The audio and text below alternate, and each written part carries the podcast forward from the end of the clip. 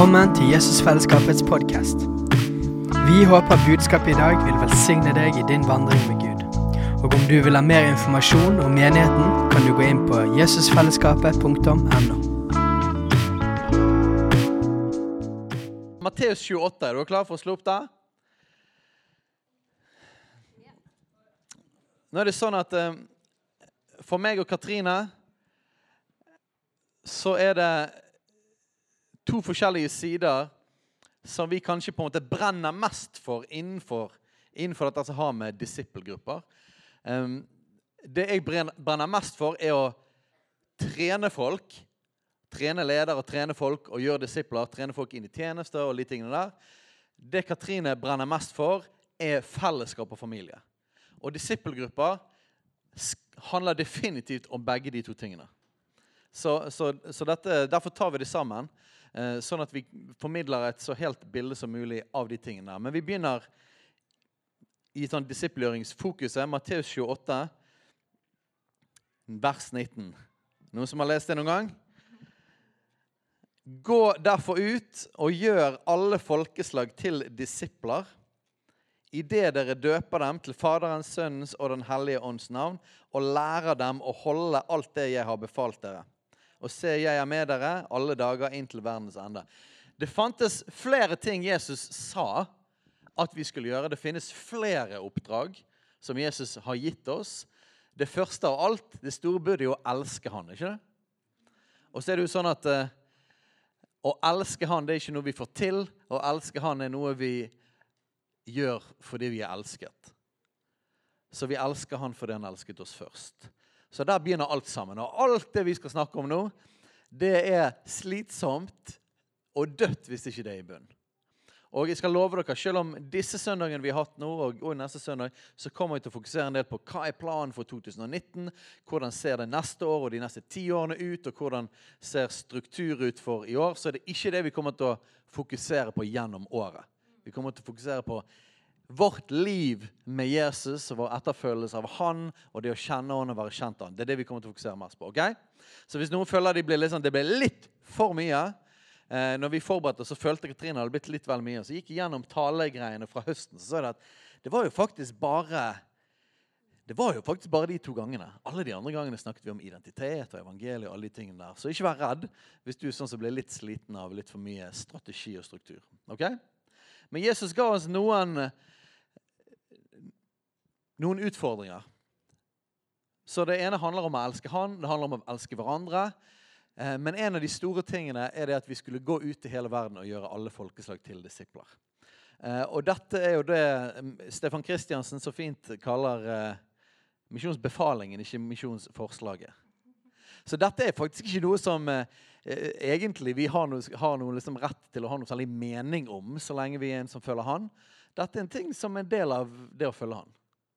Um, så hva er det å gjøre alle folkeslag til disipler? Uh, jeg sier det kjapt. Har sagt det før, kommer til å si det igjen. Men hvis du skal gjøre folk til disipler, så er det to hovedbestanddeler her. Nummer én er å døpe dem. Nummer to er å lære dem å holde alt det som Jesus hadde befalt dem. Så det er en lærebit, og så er det en døpebit. Døpebiten den er jo ikke sånn at vi kan gå rundt og bare finne masse folk og bare døpe dem. For Hvis vi leser evangeliene gjennom, vi leser apostelene så ser vi at det var et par ting som skulle til før de ble døpt.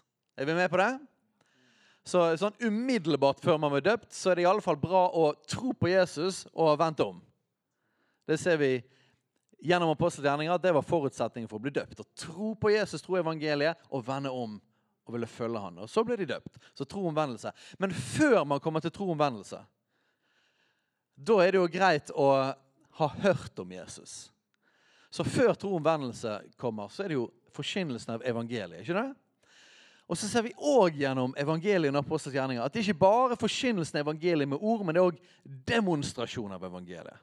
Og det mest vanlige i evangeliet og apostelens gjerninger er å helbrede syke og kaste ut onde ånder. Men det fins mange flere måter òg å demonstrere evangeliet på. F.eks. sånn som Nathan fortalte om, å gi mat til folk. Gi Guds kjærlighet på alle mulige måter. Men det tegner under også en sentral del av dette. Så når Jesus sier dette, dette måten dere skal gjøre disipler, døpe de og lære de, så ligger det naturlig i hele den døpe at det handler om å demonstrere evangeliet, forkynne evangeliet, og at folk dermed kommer til tro og vender om, og så blir døpt. Så det er nummer én. Den andre biten er lærer de å holde alt jeg har befalt dere. Og eh, Det greske ordet for lære der er lære gjennom å observere. Så jeg snakket om, Rett før jul snakket om dette med hvordan vi trenger å gå fra en sånn eh, forelesningskultur til en disippelkultur.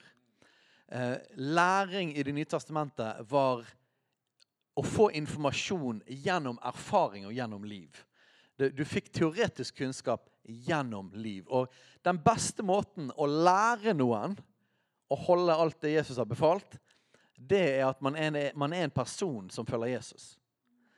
Og når man er en person som følger Jesus, så har man mulighet til å ta med seg noen andre og lære de å følge Jesus. Paulus sa det sånn mange ganger. Etterfølg meg sånn som jeg etterfølger Kristus. Så disippelgjøring handler om den første biten som jeg sa der, alt det som må til, og så døpe folk. Og neste biten er at man tar tak i disse folkene med en gang de kommer opp av vannet. Og helst før det òg. Og så går man sammen med dem. Et ord som Katrine liker veldig godt, er medvandring. Gå sammen med folk. Så, og dette året, 2019, så kommer vi hovedsakelig til å fokusere på den andre biten av dette. 2020 kommer til å bli mer fokus på den første biten igjen. Hvorfor det? Fordi at vi trenger å ha en kultur av å gjøre disipler sterkt i menigheten. Før vi har kapasitet til å faktisk ta massevis av folk inn. Eh, og eh, For dere som kjenner meg, så vet dere det at eh, den, den, biten der med at vi skal nå ut med evangeliet, den er ikke uviktig for meg. Eh, så hvis det er noen som blir nervøse for at det blir for lite evangelistisk eller for lite offensivt, det med å fokusere innad dette året, så kan du slappe helt av. Grunnen til at vi gjør dette, her, for min del, er at vi skal nå verden. Men vi er ikke kalt til å bare forkynne evangeliet. Vi er kalt til å gjøre disipler. Det betyr at vi trenger en kultur av å gjøre disipler. Vi trenger å ha en familie som folk kan bli absorbert inn i og bli en del av. Så hele 2019 kommer til å være fokusert rundt at denne kulturen skal bli en del av oss. At vi er mer enn folk som sitter på grønne stoler en gang i uken.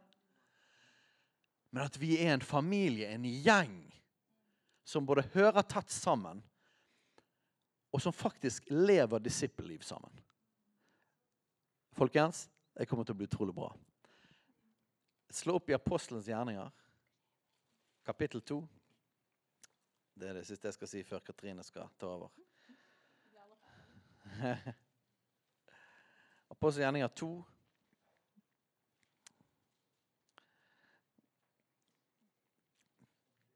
På mange måter vil jeg si at eh, fra vers 37 til 47 er min drøm for Jesusfellesskapet. Dette er min drøm for Jesusfellesskapet. Dette er det som jeg ser på og ønsker at vi skal kunne speile oss i. Men for at vi skal komme dit, så trenger vi gjøre noen grunnleggende jobb dette året. Apostelgjerninga 2, 37. Dette er etter Peter forkynte evangeliet. Så viktig er dette her skriftstedet for meg. Det er løst. Men da de hørte dette, stakk det dem i hjertet, og de sa til Peter og de andre apostlene, Hva skal vi gjøre, brødre? Peter sa til dem, Omvend dere og la dere døpe på Jesu Kristi navn til syndenes forlatelse. Så skal dere få Den hellige ånds gave. Så det, hva har vi der? Der har vi første biten av disiplgjøringen, Har ikke det? Første biten her. Peter hadde forkynt evangeliet, og så stakk det i hjertet. Og så utfordret de til å vende om og bli døpt, og skulle de få Den hellige ånds gave. Ok, Vi skal ikke snakke mer om det nå, men det er nummer én. Og Så hopper vi ned til vers 41. De som nå tok imot Hans ord, ble døpt. Og den dagen ble det lagt til omkring 3000 sjeler. De holdt urokkelig fast ved apostlenes lære, ved samfunnet, ved brødsbrytelsen og ved bønnene. Og det kom frykt over enhver sjel, og mange tegn og under ble gjort ved apostlene. Alle de troende holdt sammen og hadde alt felles. De begynte å selge eiendeler og gods og delte ut til alle ettersom hver trengte det. Hver dag kom de trofast og med ett sinn sammen i tempelet. Og i hjemmene så brøt de brødet og holdt måltid med fryd og hjertets enfold. De lovet Gud og var velsett av hele folket, og Herren la hver dag dem som ble frelst, til menigheten. Folkens, 2019 kommer til å handle om, ved Guds nåde Vi får ikke dette til sjøl, jeg får ikke det til sjøl, men jeg tror det er han som vil det. Jeg tror det er han som har talt om det. Så det betyr at når vi og jeg snakker om det og fasiliterer det, og lager en struktur for det, så tror jeg at han vil føde det fram hos oss. Så dette året kommer til å handle om vers 42 til hvert 47. De holdt urokkelig fast ved apostelens lære, ved samfunnet, ved brødsbrytelsen og ved bønnene. Folkens, vi skal gå dypere i Guds ord. Vi skal gå dypere i fellesskap. Samfunnet betyr fellesskapet. Ved brødsbrytelsen Folkens, nattverd kommer til å bli et stort fokus dette året. Når vi kommer sammen i hjemmene, det står det rett etter her, noe av det viktigste de gjorde, var å bryte brød, altså ha nattverd sammen. Hvorfor er nattverd så viktig? I nattverd så ligger fellesskap. For det går ikke an å spise sammen uten å ha fellesskap. Spising sammen er essensielt i fellesskap. Du spiser sammen, og så, når du tar nattverd, så må du dele evangeliet. Du må dele det Jesus gjorde for oss. Man må dele korset og Jesu oppstandelse og ta imot tilgivelse. Og Hvis du kobler fellesskap og fokus på evangeliet, det er sterke saker. Så dette året skal vi ha sterkt fokus i hjemmene på nattverd. De holdt rokkelig fast ved apostlenes lære, det er Guds ord. Ved samfunnet Og jeg må si noe om Guds ord. Folkens, jeg tror på en sånn her vekkelse av bibelentusiasme. Jeg, jeg har en lengsel etter at vi som karismatiske menigheter har ikke, ikke kjent for å være sterke i Bibelen.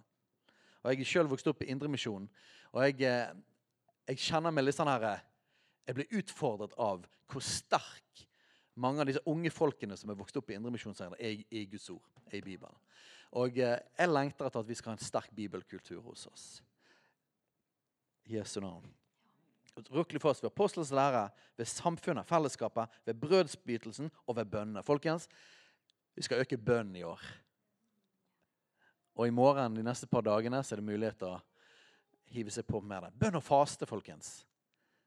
Det er lenge siden jeg har fastet. Det er tid for å faste igjen. Det blir nydelig. Og, eh, og, eh, og når, jeg snakker om bønn og søke Guds ansikt og faste, så er det ikke sånn at, å nei, det er en plikt. Nei, nei, nei. Jeg kjenner en utrolig begeistring og glede. Fordi at man posisjonerer seg for mer av Han. Jeg vet at de neste par dagene så kommer jeg til å møte Gud kraftigere og sterkere. Det er derfor jeg er begeistret for det. Folkens, la Den hellige ånd tenne opp den lengselen etter å søke hans ansikt. Ved bønne. Det kom frykt over hver og en, og mange tegn og under blir gjort ved apostlene. Tegn og under, folkens. 2019. Tegn og under skal bli vekket opp igjen i Jesusfellesskapet. Dette var noe som vi var kjent for, fordi vi fokuserte mye på det. Men Gud har kalt oss også til det. Gud har kalt alle til det. Men, men JF har òg et kall til å være med og pionere og ta tegn under og mirakler tilbake igjen til Guds menighet. Og nå har det vært litt daft. Heldigvis har Gud gjort ting de siste årene. Men det er tid for at de tingene våkner opp igjen. Tegn og under blir gjort. Alle de troende holdt sammen og hadde alt felles. Ikke vær redd, folkens. Det er ikke sånn at alle må selge alt de eier. Ingen blir tvunget til det. eller noe sånt som det. Men, men hør ånden bak dette. De holdt sammen. Hva betyr det? Tett fellesskap igjen. Og de hadde alt felles. Og Om ikke det betyr at vi selger alt vi eier, så betyr det at ingen hos oss, ingen i fellesskapet, ingen i familien skal lide død. At vi er rause med, med, hverandre. At vi, at vi, ikke holder for tett på tingene våre. Jeg, jeg lengter etter det.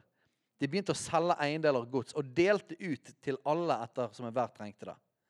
Hver dag kom de trofast som ett sinn sammen i tempelet. Vi skal ikke bygge et tempel, Og vi kommer ikke til å samles hver dag, så ikke vær redd for den detaljen heller. Men det er et eller annet med når Guds ånd beveger seg, som gjør det at Guds folk har lyst til å være sammen. Og Det er koblet igjen med vekkelse, det er koblet igjen med fellesskap. ikke det? Med samfunnet. Hver dag kom de trofast. Trofast, er det ordet? Det er et ord som ikke er så vanlig i Norge. 2018 i alle fall. Kanskje det blir annerledes i 2019. Trofast. Og det har med forpliktelse til hverandre og kjærlighet til hverandre i fellesskapet. Trofast kom de sammen. Og med ett sinn, enhet. Og i hjemmene så brøt de brød, Nattverd igjen. Disippelgruppene handler om at vi trenger å ikke bare komme sammen i denne settingen, men vi trenger å komme sammen i hjemmene. Sånn har det vært helt fra starten av i Guds menighet. I hjemmene så brøt de brødet. Og brødsbrytelsen, nattverd, kommer faktisk til å være kjernetingen i disippelgruppene. Spise sammen, dele evangeliet og ta imot det Jesus har gjort for oss. Og eh, jeg ber altså om at evangeliet skal bli åpenbart for oss dypere dette året. I hjemmene brøt de brødet, og de holdt måltid med fryd og hjertets enfold. Vi skal bli enfoldige dette året. Halleluja. De lovet Gud og var velsett av hele folket, og Herren la hver dag den som ble frelst, til menigheten. Folkens, jeg er overbevist om at vi, hvis vi ved Guds nåde styrker alle disse tingene som jeg nevnte her Hvis vi virkelig blir et, et tett fellesskap, en tett familie, vi blir sterke i Guds ord, sterke i bønn, sterke i fellesskapet, og at vi kommer sammen og vi holder måltid og vi har nattverd og Hvis vi styrker familie og disippelskap, så er jeg overbevist om at vi kommer til å komme i en situasjon som gjør at vi, vi blomstrer. Jeg tror det at dere kommer til å blomstre. Jeg tror jeg kommer til å blomstre. Jeg tror at våre liv med Gud kommer til å bli fornyet dette året. Og jeg tror at det som kommer til å komme ut av det, er en sterk lengsel etter å nå verden. Og nå er det ikke sånn at nødvendigvis, Du trenger ikke være redd for det heller, at nøyaktig 1.1.2020 så er det bare bånn gass på evangelisering for alle. Men evangeliet er sånn at Jesus han ga sitt liv for oss. Og Det første som skjer, er at vi får nåde og vi får tilgivelse. ikke det? Vi erfarer kjærlighet. Men så stopper det ikke der. Evangeliet er i sin natur sånn at fra at vi tar imot evangeliet, så blir vi evangeliet. Hva betyr det? Vi blir sånn som han. Vi vil legge vårt liv ned. Og sånn som han, like som Faderen sendte meg, så sender jeg dere, sa Jesus. Så at evangeliet blir sterkere i oss, vil føre til at vi vil ut med evangeliet. Disippelgruppa starter opp uke fire. Må se på Fredrik.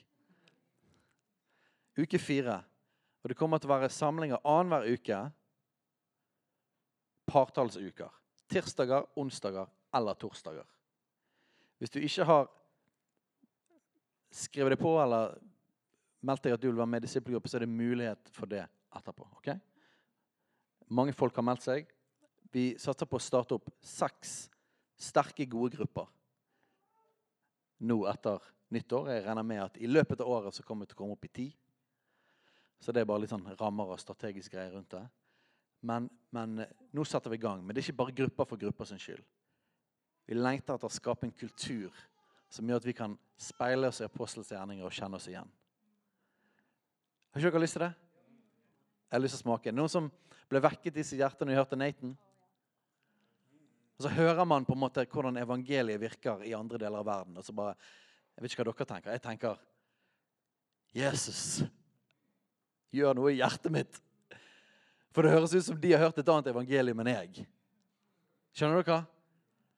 Den her eh, seigheten, denne sirupen som vi er vant med å leve i i Vesten Jeg har ikke lyst til at den skal være der.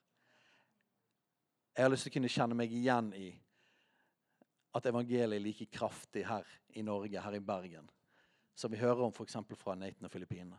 Skjønner dere det? OK. Nå var du ferdig. Nå, du er ferdig med hele talen, du nå. Så jeg tror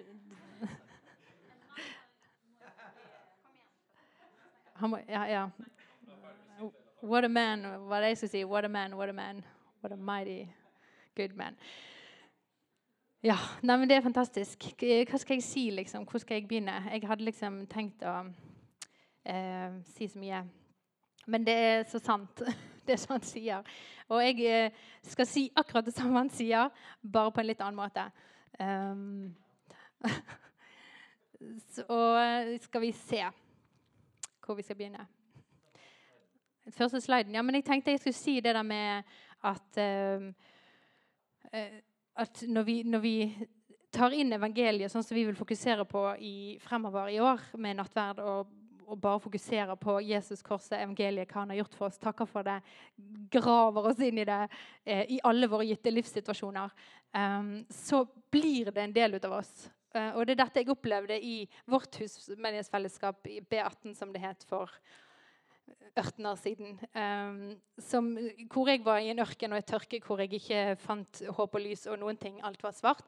Men det var dette punktet med nattverden, hvordan man, man dykket ned i det, holdt fast ved det. Og, og, og så har det nå blitt en del ut av meg, da. Som på en måte, uansett hva jeg tenker, hva jeg opplever, så, så er det det som holder. Det er ikke så avansert, egentlig, dette her. Det er så enkelt, men så vanskelig. Uh, evangeliet. Um, så vi trenger å gripe det. Og vi trenger og Steiner sier, vi trenger å bli gode medvandrere, vi i Jesusfellesskapet. Dere må nødt til å tørre å gå ut av deres skall og, og knytte relasjoner innad i dette rommet her. Eh, og det er det jeg har lyst til å utfordre litt til. Trykke litt på, være litt eh, strong mamma. Eh, fordi at vi trenger å gå ut av vår komfortsone og slippe folk litt inn på oss um, for å være gode medvandrere. Ikke med bare de som, Det er bra å ha noen som du deler ditt aller innerste, innerste, innerste med. Eh, som ikke du skal Dere kjenner disse relasjonssirklene til Danny Silk. at Han har noen sånne sirkler. Sant? Du har ektemann og kone nærmest. Sant? Eller Først er det Gud og deg nærmest, og så er det ektemann og kone, og så er det familie. så er det, ja.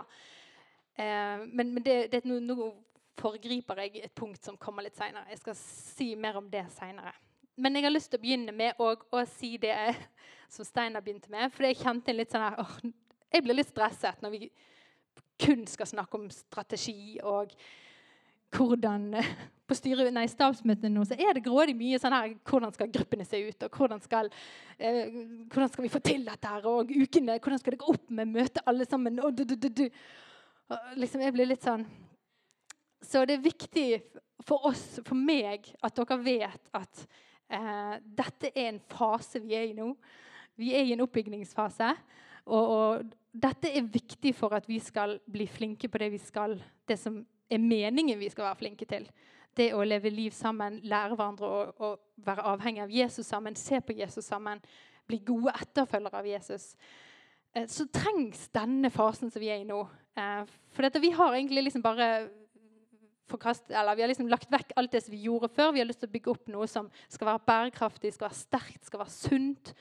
Og vi driver og ser på det i alle mulige vinkler og måter for å finne det best mulige. da. Og det mest bibelske, det, mest, det som Gud ligger på Jesus sitt hjerte. Så Derfor bruker vi en del tid både i høst, men også nå på å få snakke om dette på søndagene. Men ikke vær urolig. Det kommer en fase hvor vi ikke snakker om dette. For dette går av seg sjøl. Vi har et system som går. Eh, Derfor skal vi selvfølgelig fokusere på Jesus og livet med han og Bibelen og lære og alt disse tingene. Så det blir en god fase å komme i. Men denne fasen er, er, det er ikke en motsetning. Det, det som, altså disse, alle fasene vi er i, er ikke motsetninger til hverandre. Det er bare en vandring vi er på som familie, som menighetsfamilie, som mennesker. Eh, så er det visse faser. Vi kan gå og være grådig frustrerte fordi vi er i noen faser i livet. Sånn som Trine-mor, som nettopp har fått baby. Og, og, og, kanskje kan kjenne på Unnskyld, nå bruker jeg deg uten å ha spurt deg som et eksempel her, men, men, jeg vet hvordan det er å være i en fase hvor du har fått en nyfødt, og, og du, du, er egentlig låst. Du kan ikke gjøre noe annet. Det er den lille mennesket som krever absolutt hele din tid, hele din kraft, kapasitet, absolutt alt. Og det kan være litt frustrerende. Sant, Rebekka? være litt frustrerende og, og når du kjenner på å, nå har jeg lyst til å gjøre det og jeg har lyst til å gjøre det, jeg har lyst til å gjøre det. Men det er akkurat denne fasen så er det det som er det viktigste. Å, ta vare på denne lille babyen. da. Så vi er litt der, da. Vi har denne babyen her, som er Jesusfellesskapsmenigheten. Og vi trenger å, å, ta vare på den på best mulig måte. Forvalte den. Og så kommer vi til en fase hvor ting går litt lettere, ting går av seg sjøl, og vi fokuserer på andre ting. Så det var litt mitt hjerte rundt uh, hva sesong vi er i nå. ja. OK. Uh, jeg, kan vi få det første bildet? Jeg har lyst til å, å, minne igjen om disse fem sidene av menighet som Gordon Hickson var her og fortalte om. Det var jo litt over et år siden. Han kom og, og ga oss dette bildet, som for meg var revolusjonerende. for dette, Vi men, altså vi holdt på med Jesusfellesskapet, og jeg, det var så mange forskjellige ting som var så frustrerende og forvirrende. Og jeg skjønte ikke hvordan skal dette her fungere under ett og samme tak. Hvordan skal alle disse menneskene som har så mange forskjellige behov og er på så mange forskjellige stadier, kunne leve i samme hus? Og nå snakker vi altså, snakk om, Det kan være om så det er familien L, eller om det er familien Jesusfellesskapet. Er, man er alle forskjellige. Og dette bildet som jeg fikk av Gordon, var utrolig åpenbarelse for meg å få. da. Så jeg har lyst til å gi uh, bare kort gå gjennom det. Går det greit? Bruker jeg for mye tid? Ja da. Um, at disse fem sidene av menighet de skal, det skal være, Dette er det som menighet rommer hele tiden. Skal disse fem søylene være representert i menighet? Alle skal få lov til å være på en av disse her, eller flere. Eller gå frem og tilbake. eller liksom sånn i, Vi håper jo at det skal være en slags progresjon. da. At man går litt sånn fra sykehus til familie til skolering til, til type hva vil de kalle for, rekruttskole. og ut i militæret. Så blir vi litt såret skutt og må hjem igjen til menigheten og få litt sår og polstring og sjelesorg og indre barn med særskilbreid. Og, og så er det inn igjen i familie og begynne å gjøre litt og hjelpe til litt. Og, og så er det skole. Det er søndagene. altså Sykehus det blir jo på en måte når man kommer og bare er det viktigste du, du, jeg, opplever, jeg har vært i den fasen lenge.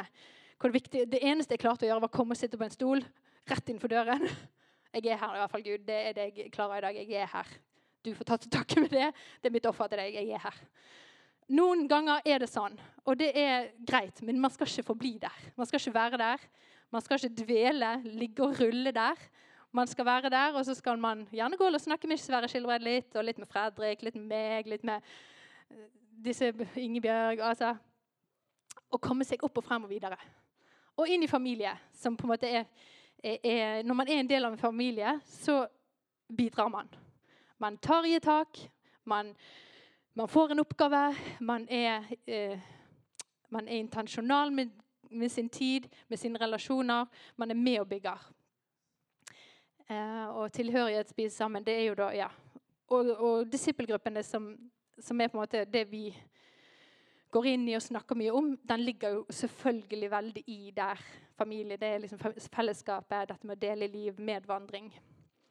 Og så er det skole, skole, som er der, som er på en måte mer søndagene. Det er den biten som heter skole. Det er liksom eh, forkynnelsen, Guds ord, Guds nærvær. Å få påfyll på den måten. Eh, steget videre det er type impact, eh, bibelskole sånn, eh, Man har jo forskjellige grupperinger i menigheten. Det profetiske, vi har det eh, evangelistene som samles. Altså Man går og, og spisser seg litt da, og trener seg til å bli sendt ut og virkelig bli eh, få, få bli stått sammen med noen som gjerne har den samme hjertet, det samme tjenesten og samme kallet som du, og man står og er klar for å gå ut i kampen. da i militæret i hverdagen, eller bli sendt ut til en spesifikk plass. Og så er det jo da ut i misjon, um, om det så i arbeidslivet, um, Europa eller ja, forskjellige plasser. ikke det riktig? Eller sier jeg det feil nå? Så, så, jeg vil at eh, dere skal ha dette her i minne. At dette er det, når vi sitter som ledere over menigheten, så er det sånn vi ser menigheten. og, og, en ting som er interessant, som vi, snakket om i går, er at når Steinar forkynner og snakker, så, så De som er i, i typisk, de tre øverste sjiktene av gjerne siden av menigheten der, kan bli veldig å, det er så bra, og dette er så, jeg er så med, og dette er så å, I'm on fire. liksom, Come on, tal til meg. Jeg tåler det. liksom, on, Send meg ut. liksom. Og de to andre de er litt sånn Åh, jeg er ikke mer klar av dette mer. Skal de snakke om dette en søndag til? Hva med relasjonene? Hva med fellesskapet? Hva med Jesus? Hva med bare livet med Jesus? Så, øh, og så da er det jo gjerne sant, hvor jeg er en person som gjerne snakker mer om de tingene. Sykehus, familie, biten. Og hvor vi har forskjellige måter. Men det er ikke forskjellige hjerter altså, vi, vi, Det er bare forskjellige sider av menigheten. Vi har ikke forskjellige eh, agenda eller forskjellige mål, men vi har bare forskjellige måter å snakke på. Eh, forskjellige måter å eh, connecte på. Noen folk føler at de, de connecter med en type folk. Dere kan jo kjenne dere. Hvem er det dere som syns at stein altså Jeg skal ikke ha håndsopprekning. Men eh, liksom da, de blir, synes det er fantastisk. Eh, men så, det, så, kan jeg spørre, hvem er det da som syns det er kjempeutfordrende når stein avskynder For og så er det samme med la oss si meg eller Fredrik eller eh, Vegard eller noen andre. Det blir mer pastoral type. da. Uh, og så kan man gjøre det samme. For det er noen som blir fryktelig frustrert av å høre på sånne òg. Uh, og det vil jeg at dere alle skal ta inn over dere. At alle i menigheten er ikke akkurat sånn som du. så tenk på det. At det er fantastisk at du er du, og at du føler at du syns det er herlig med en type fokus, en type forkynnelse, en type side av menighet, side av Jesus. Fantastisk. Men personen ved siden av deg Altså, her, vi lever rimelig tett eh, liv. og vi har totalt forskjellige måter å se på Jesus på, leve menighetsliv på. Eh, og allikevel så går det sånn noenlunde greit. ja da. Men altså, det er, det er, så Og det er viktig at dere vet det, og at ikke dere blir truet av det. Og ikke blir eh, redd for at noen er annerledes enn deg. Og så må du tenke at hvis den ene søndagen så var det utrolig vanskelig, eller det var eh, veldig tøft. Jeg ble litt utfordret av det. Jeg syns ikke det var helt behagelig. Det var ikke helt etter mitt hjerte. så, så, kanskje noen andre syntes at det var helt fantastisk. De kjente Jesus talte der og da. Ble sendt ut. Og så får vi tenke ja, ja, OK. Så fantastisk, da. At, liksom, at vi er så forskjellige. Og jeg, eh, jeg, kjenner at det, for meg så det, det, brenner sånn i meg at vi er nødt, folkens, til å eh, være stolt over forskjell, forskjellene våre, forskjellighetene våre. Ja, nå skal jeg til verset. Det var godt du sa. Jeg vil bare snakke om mammas hjerte litt til. Eh, eller litt til, eller bare sånn, eh, Jeg er så stolt av mammas hjerte. Hvis ikke dere vet hva mammas hjerte er, så er det noe på Snapchat. Vi er en ti mødre som deler liv og herlighet inne på uh, Snapchat. Og det er så, jeg syns er så fantastisk med den gruppen med damer vi er, det at vi er så totalt vidt forskjellige som det kan være. Og vi vinkler livet og, og relasjonen vår til barn og til Europa skal bli frelst. Eh, på totalt forskjellige måter. Og det er det som er så herlig at når man kan stå en, under et navn som vi er, da, mammas hjerte, og så sier vi det på forskjellige måter, så treffer vi så mange forskjellige mennesker. Og det er det menighet skal være. Det skal ikke være én person som står og forkynner, og forkynner, og så er det én type mennesker, den reiser opp den menigheten. liksom. Det er ikke sånn, altså her er det vi har plass til alle sammen. Og dere er nødt til å ha plass til alle sammen i deres hjerter og i deres familieliv. Hvis ikke du har plass til det, hvis du syns det er utfordrende å være en del av Jesusfellesskapet, så finn deg en menighet som du eh, syns det er veldig komfortabelt å gå i. For det her kommer det til å være mennesker som kommer inn, så du kommer til å bli støtt av. Og det må du tåle. Ellers så eh, kan ikke vi eh, nå ut til verden. For dette, det, ja, så det, er grunnleggende, og det er derfor vi vil jobbe dette året med oss sjøl våre egne hjerter, vår egen medvandring. Vi er nødt til å klare å åpne opp våre hjerter, åpne opp våre hverdager og liv til de som er i dette rommet. Ja. ja. Ja, men skal jeg ta bibelverset? Å oh, ja. Jeg får ikke lov til å ta bibelverset, da. Og det kommer etterpå. Ja, OK. Vet du hva, altså, jeg, eh, sant? jeg er jo ikke en systematisk forsyner. Her går det bare på følelser. Ja, det får gå. Altså, Jeg trenger litt av Daniel Sebjørnsen sin salvelse. Det der med altså, altså, dere har lyst til stem. OK. Plass til alle. Så det som jeg, eh, jeg har to eh, spørsmål til deg som jeg vil du nesten skal skrive ned eller ta bilde av. Og hvor du skal finne ut av. Det er to spørsmål og to utfordringer til deg akkurat nå. Hvilken sesong av disse fem som var på sist bilde, befinner du deg i? Jeg vil at du skal finne ut av det. Neste, eh, som er nummer to. Og hvordan ser det ut i praksis? At du er enten i sykehusfasen eller du er i familiefasen, hvor det er på tide å gi litt inn. Eller du er i eh, skoleringsfasen eller i på en måte militær. Altså ut, hvilken fase er du i, og hvordan ser det ut i praksis? Tenk litt over det. Finn ut av det. Og så neste, som er Ja! Ha nåde med de andre som er i en annen fase enn deg sjøl. Det skal vi øve på dette året. Um, og la oss feire forskjellene som er iblant oss. Og det Ja. Og der, meg og Steinar vi skal gå foran som gode forbilder. Akkurat de to uh, utfordringene der de lever jeg i hver dag. Det er ikke tull engang. Ja, hver dag. Så må jeg ha nåde med Steinar. Ja, altså du med meg òg. Ja. Jeg må vise stor nåde overfor meg sjøl og overfor Steinar. Og så må vi feire at vi er forskjellige. Og den har jeg endelig begynt å gripe litt mer. Eh, det var vanskelig i mange år, hvor jeg prøvde først å bli lik Steinar. For jeg liksom tenkte ok, hvis jeg skal leve ved siden av han, så må jo jeg bli lik han. Eh, men det funket jo dårlig. Eh, og så Og så Hvor jeg da bare levde lenge og har vært mye frustrert over forskjellene våre. Og ikke klart å liksom Men hvor gjerne det, jeg vil si det siste året jeg har virkelig grepet det med å feire at vi er forskjellige. Jeg er stolt over at vi klarer å leve så forskjellig og så tett, faktisk. Okay. Neste slide. Kroppen. Nei, du trenger ikke slå opp, for det står her. Første Korinterne 12, 12-21, og så 26-28. Slik kroppen er én, selv om den har mange lemmer, og alle lemmene utgjør én kropp, enda de er mange. Slik er det også med Kristus. For med én ånd ble vi alle døpt til å være én kropp, enten vi er jøder eller grekere, slaver eller frie. Og alle fikk vi én ånd å drikke. For kroppen består ikke av én kroppsdel, men av mange. Om nå foten sier 'fordi jeg ikke er hånd, hører jeg ikke med til kroppen', så er den like fullt en del av den. Om øret sier 'fordi jeg ikke er øye', så hører jeg ikke med til kroppen, så er det like fullt en del av den.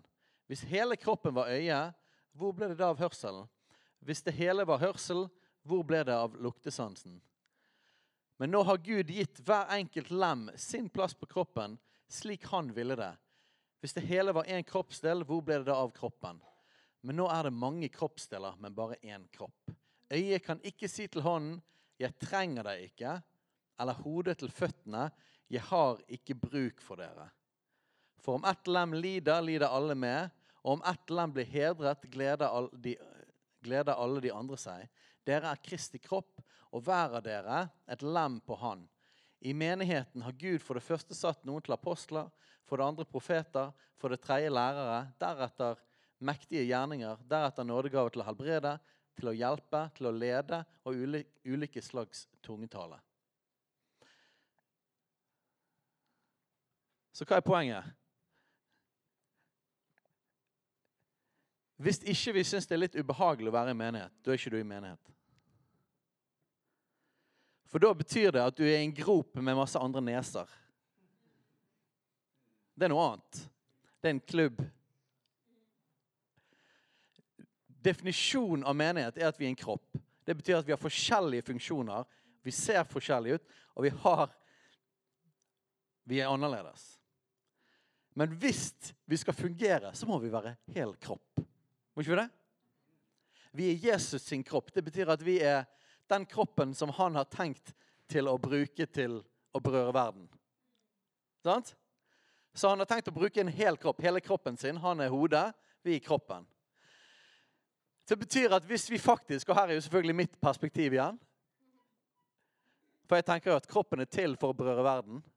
Katrine vil si kroppen er til bare for å være til. Og begge deler er sant. Men hvis vi skal berøre verden, så må vi ha en hel kropp. Må ikke vi det?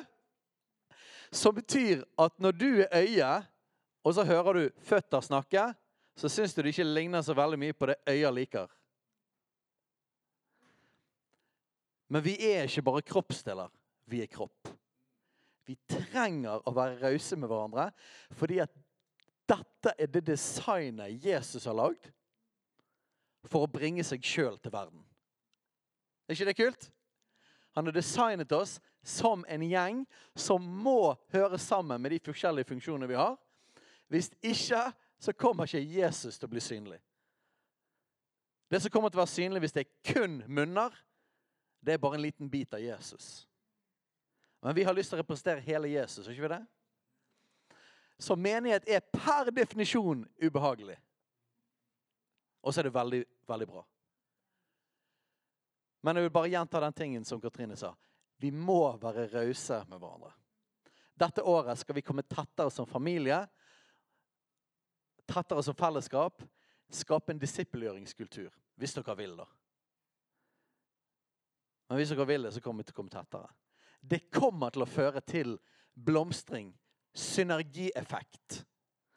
Og så kommer det til å føre til ubehag. Og eh, jeg kan, En ting som jeg vet du ville si, men jeg sier det først, så kan du si det mer. Folkens, ikke isoler dere vekk fra fellesskap. Ikke isoler dere vekk fra de andre kroppsdelene. Vi trenger hverandre. Vi trenger hverandre, folkens. Ikke isoler dere kun inn til de som er mest behagelige, de som dere er mest naturlige venner med. Det er lov til å ha bestevenner. Men en menighet er noe mer enn det. Det er en sirkel utenfor det igjen som vi trenger og vi må ha. Ja, Så, så det du sa eh, Det du sa. Ja, alt det han sa. um, nei, men altså, i, tilbake til disse her relasjonssirklene. Um, vi har plass til flere folk i en sirkel nærmere enn det vi har satt i nå. Um, så det, Vi har lyst til å gå inn i 2019 med den tanken at utfordrer, jeg har lyst til å utfordre dere til å trekke folk én sirkel nærmere. Til å åpne opp litt. Du trenger ikke åpne opp alt sammen, men litt grann til.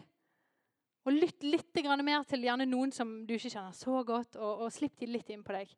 Um, og, og, litt i forhold til legeme, så er det uh, Hvordan skal vi få det har noe med uh, forløsningen av alle gavene. da. Hvordan, hvis alle hyrdene samles, eller alle, de som er uh, veldig sånn pastorale Eller type Jeg prøver å finne alle de som liker den og den type fokus, samles i et eh, forum hele tiden og bare dyrker det. Og den andre gjengen samles i det. Og det er fantastisk, man syns jo det er herlig, og det skal man gjøre også. Men, men det er noe med det at hvordan skal man få det blikket, det perspektivet, som Bibelen egentlig har og er, hvis man bare ser med Mm, la oss si hyrdeøyne, da, eller med evangelistøyne, eller med ja. Nå bruker jeg disse gavene da, som, siden de er så lett å det, er lett å forklare og skille. Men, men det handler bare om at eh, hvis du omgås folk du trives med og, og syns er behagelig å være med hele tiden, hvordan skal du få et annet perspektiv på hverdagen og livet? Var det litt bedre? eh, så prøv å omgås noen for å få inn litt input, litt andre måter å se livet på, andre eh, måter å vandre med Jesus på. For det er jo det vi skal dele. Vi skal dele hvordan vandrer du med Jesus. Hvordan klarer du å stå i disse her tingene som er Det er det jeg syns er meningen med legeme. da. hvordan vandrer du med Jesus? Og bli styrket av det, bli utfordret av det og få inspirasjon til å vandre videre med Jesus i dette her livet som er fantastisk, men òg utfordrende. Vi skal fortsette neste søndag. Jeg ser på klokken. Men det vi hadde lyst til å formidle i dag, det var en av de viktige verdiene bak det ved at vi har disippelgrupper. Og det er fokuset vi vil ha det neste året.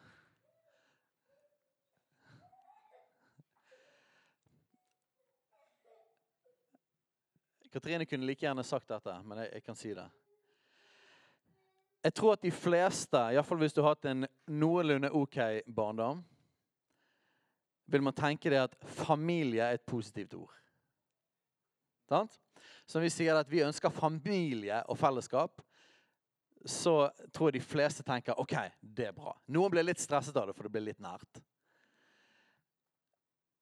Men familie er stort sett en positiv ting. Det vi som oftest tenker familie er, det er kjærlighet og nærhet. Mødre, fedre, brødre og søsken, søstre. Et fellesskap der vi elsker hverandre uforbeholdent. ikke det riktig? Og alt det er familie. Og alt det er noe av det viktigste i familie. Så hvis meningen skal være familie, så må de tingene være der. Men spesielt de folkene som ikke har små barn sjøl, har ofte en mer idealistisk forståelse av hva familie er, enn det faktisk er. Og jeg har hørt mange folk si til meg de siste årene, i frustrasjon over ting som ikke har fungert i menigheten, at dette er ikke familie. Dette er ikke som familie. Og så tenker jeg dette er jo akkurat det som er familie. Så når vi snakker om familie, så ønsker jeg ikke at vi skal ha et idealistisk bilde av hva det betyr. At alt skal være behagelig. Nei, familie er utrolig viktig. Og det er et fellesskap som Det skaper et fundament i livet. Og menighet som familie betyr at vi hører sammen noe, med noe større. Det er noe dypere. Vi er elsket uansett. Vi hører til noen. Det er noen dype relasjoner. Men familie er òg å bidra. Familie er å være involvert. Jeg skal innrømme det at jeg mange ganger har dratt på besøk til mamma, og så har jeg latt mamma lage maten. Og så har jeg bare sittet i en god stol og syntes det er litt deilig. Så noen ganger så kan vi dra til storfamilien og oppleve det. Men når du har en kjernefamilie sjøl, så vet man det at familie er ikke bare å sitte i stolen og bli servert. Familie å være involvert barn som vokser opp og aldri er involvert, og bare blir servert, de blir jo noen ufordragelige unger, blir ikke Bortskjemte drittunger, pleier vi å kalle det. Så familie involverer at du gir deg inn. Fellesskap er noe som blir skapt ved at vi velger å være tett til hverandre. Det er ikke et produkt jeg og Katrine kan produsere og tilby at du kan komme inn i. Det er ikke sånn at vi, kan, vi lager fellesskap og så bare Velkommen, og, og, så får du oppleve fellesskap. Fellesskap blir skapt når vi går inn og velger relasjon med folk. Disippelgruppene det er bare en struktur. Men grunnen til vi har disippelgrupper er for å skape en kultur av disippelgjøring og for å bli familie. Men det kommer ikke til å funke av seg sjøl bare fordi vi har en struktur. Det kommer til å funke hvis vi velger å komme nærmere folk. Hvis vi velger å gå inn og posisjonere oss til at OK, jeg ønsker at det skal være familie, så det betyr at jeg må gi inn av meg sjøl.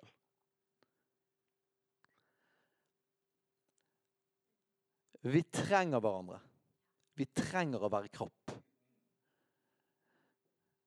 Men det kommer til å kreve noe av oss. Det vi får tilbake, er mye, mye mer. Men jeg vil lyst til å utfordre dere, og jeg vet at Katrine har dette på hjertet. Egentlig Katrine skulle si akkurat dette. Men jeg vil utfordre dere.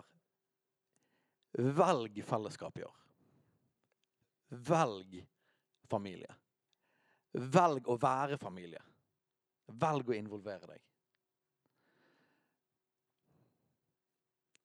To be continued neste søndag.